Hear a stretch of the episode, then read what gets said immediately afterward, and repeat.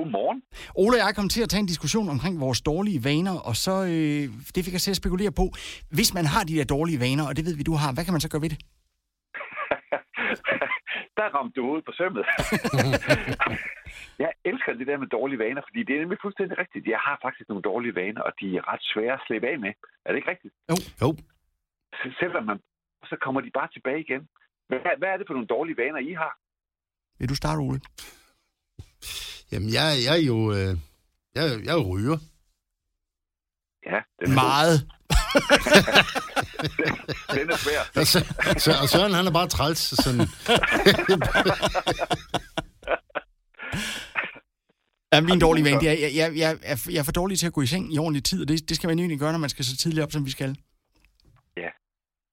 der er noget interessant ved det med vaner, fordi det er jo noget, vi gør ubevidst, og det er derfor, de er så mega irriterende, fordi man føler ikke selv, det er noget, man bestemmer. Men der er noget, der er endnu mere interessant, og det er jo, at vores dårlige vaner ofte bliver udløst af noget andet. Og det er faktisk lige præcis her, løsningen den er.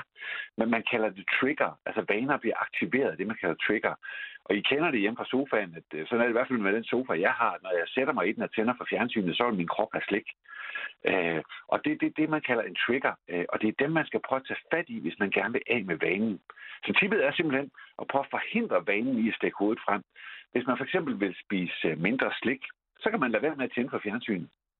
Eller hvis man vil have folk til at tænke nyt på nogle møder, man plejer at holde på den samme måde, så kan man prøve at skifte pladser eller holde møderne et helt andet sted.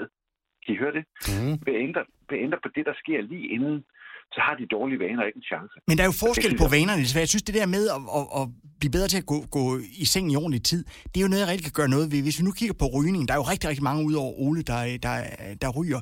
Øh, Og der er der jo også en afhængighed på grund af nikotinen. Det er vel svært bare sådan at sige, nu vil jeg ændre vaner omkring det her. Ja, det er rigtigt. Hvis der er noget fysiologisk eller noget fysisk, så, så er det klart, at det, det spiller selvfølgelig ind, at hvis der er sådan en afhængighed af noget, ikke? hvis man er narkoman for eksempel, så kan man heller ikke bare lige stoppe med det. Jamen, det er han Men, ikke. men, Nej, men, men, men, men det er faktisk lidt det samme trick, at man skal selvfølgelig få, få styr på det der fysiologiske. Men så handler det igen om det der med, nu har jeg aldrig selv røget, men, men man hører tit det der med, at folk får lyst til en smøg på et bestemt tidspunkt. Og de der tidspunkter, dem kan man altså godt pille ved og ligesom flytte den der lyst eller trang.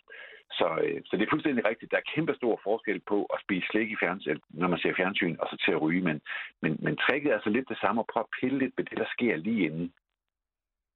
Kan vi prøve det? Ja, kan vi, hvad gør vi så, hvis man har en kollega, der er træls? Sådan, som, Som mig. kan, kan, kan man ændre på hans vaner? Må jeg have lov til at tænke lidt over det, for jeg tror, det er en lidt større udfordring, end vi lige kan løse nu. Ved du hvad, du får en hel uge at tænke i, og så tales vi ved igen øh, samtidig øh, om en uge. Fantastisk. Så har jeg en løsning.